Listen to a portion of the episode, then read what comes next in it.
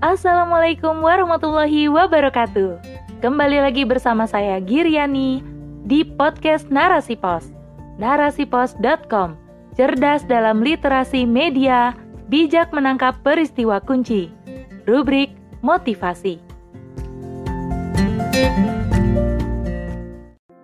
Tahun baru, waktunya menjadi pribadi baru oleh Ana Nazahah. Tak terasa, Waktu bergulir begitu cepat. Kini kita telah menginjak Januari di tahun 2022. Ada yang merayakan pergantian tahun dengan bahagia penuh suka.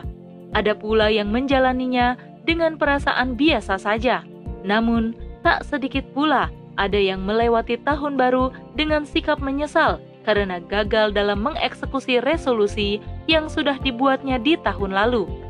Apa pun kondisi yang dialami saat mengawali tahun baru, setiap insan pastinya tak luput dari menyusun resolusi baru lagi, baik yang dirangkai dalam sebuah catatan nan rapi atau sekedar mengukirnya dalam ingatan. Resolusi adalah komitmen dan tuntutan hidup yang akan dijalaninya di tahun ini. Namun sayangnya, tahun demi tahun berganti, resolusi hanya seputar pencapaian dalam bermuamalah atau hal-hal yang bersifat duniawi. Pekerjaan mapan, punya rumah permanen, punya mobil pribadi, bahkan soal jodoh tak luput menjadi resolusi. Lupa jika jiwa dan spiritual pun perlu diperbaiki, butuh disangga oleh sebuah resolusi. Sebagai Muslim, tidaklah pantas bagi kita jika hanya mengukur kesuksesan dan kegagalan dengan standar pencapaian materi Lantas, yang dievaluasi hanya masalah untung dan rugi, lupa akan status diri bahwa sebagai hamba Allah, kelak kita akan dimintai pertanggungjawaban pada setiap perbuatan dan waktu yang dihabiskan di dunia ini. Sebagaimana sebuah hadis mengatakan, tidak akan bergeser dua telapak kaki seorang hamba pada hari kiamat sampai dia ditanya atau dimintai pertanggungjawaban tentang umurnya ke mana dihabiskannya, tentang ilmunya, bagaimana dia mengamalkannya, tentang hartanya, dari mana diperolehnya, dan ke mana dibelanjakannya, serta tentang tubuhnya, untuk apa digunakannya. Hadis riwayat Tirmizi. Karenanya, akan lucu sekali jika seseorang mengatakan dirinya sudah berhasil dan sukses melewati tahun lalu dengan standar materi.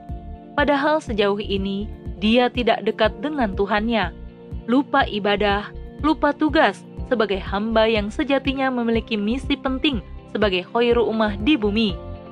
Maka tak salah jika kita menyebut tindakan ini lucu sekali jika ia menganggap dirinya sebagai sosok yang sukses di saat Allah Subhanahu wa taala menyebutnya sebagai pribadi yang merugi sebagaimana firman Allah Subhanahu wa taala katakanlah Apakah ingin kami beritahukan kepada kalian tentang orang-orang yang perbuatan-perbuatannya paling merugi? Mereka itu orang yang usahanya sia-sia dalam kehidupan dunia ini, sedang mereka menyangka bahwa mereka itu berbuat sebaik-baiknya. Quran Surat Al-Kahfi ayat 103 sampai 104. Jika ditelaah lebih jauh, mayoritas muslim hari ini hidupnya dipersembahkan hanya untuk mengejar materi. Dari pagi hingga sore hari, yang dipikirkannya adalah bagaimana mengumpulkan pundi-pundi rupiah. Paham yang dipropagandakan dan disebarkan oleh bangsa barat ini telah menjadikan kita budak nafsu. Pemikiran kapitalisme tentu saja bertentangan dengan syariat agama kita, khususnya dalam hal menentukan tujuan hidup manusia, serta konsep kegagalan dan kesuksesan bagi penganutnya.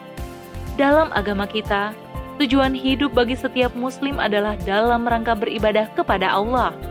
Sementara tujuan dan pencapaian hidup dalam kapitalisme hanya berorientasi pada materi yang nisbi.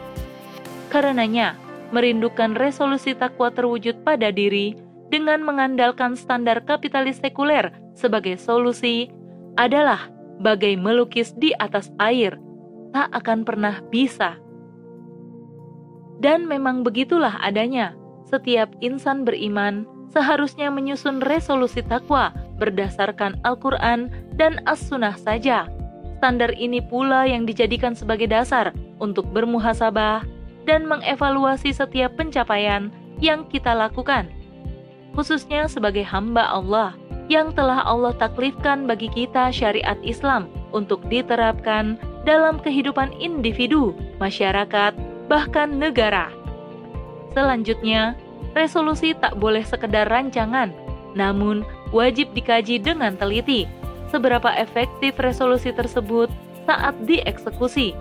Kita bisa mengukurnya dengan pertanyaan-pertanyaan yang membangun, misalnya, seberapa efektif resolusi yang kita buat hingga mampu mencapai target menjadi pribadi yang lebih baik lagi.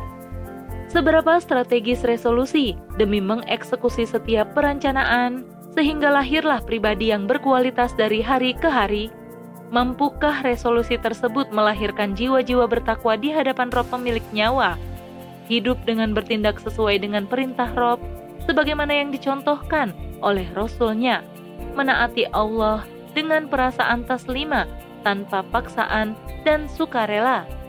Sejauh ini, resolusi yang sedang kita susun, sudahkah memakai pendekatan ini? Jika belum, maka sudah saatnya mempersiapkan resolusi baru demi menyongsong hidup yang baru di tahun ini. Terlebih dengan bergantinya tahun, itu artinya semakin berkurang waktu kita di dunia. Maka, untuk resolusi takwa diperlukan evaluasi yang dilakukan setiap hari berganti. Muhasabah tidak hanya dilakukan setiap tahun baru saja. Sungguh, tak ada yang menjamin kita hidup sampai tahun ini berakhir. Oleh sebab itu, Mari jalani tahun ini seolah ini adalah tahun yang terakhir bagi kita. Dengan begitu, kita akan senantiasa hidup dalam sikap waro, tidak sombong, apalagi jemawa berbuat dosa, seolah hidup selamanya, sembari mengingat peringatan Allah di surat Al-Baqarah ayat 281. Dan takutlah kamu akan suatu hari ketika kamu semua dikembalikan kepada Allah lalu setiap diri diberikan balasan terhadap apa yang telah dikerjakannya ketika di dunia. Wallahu a'lam bishawab.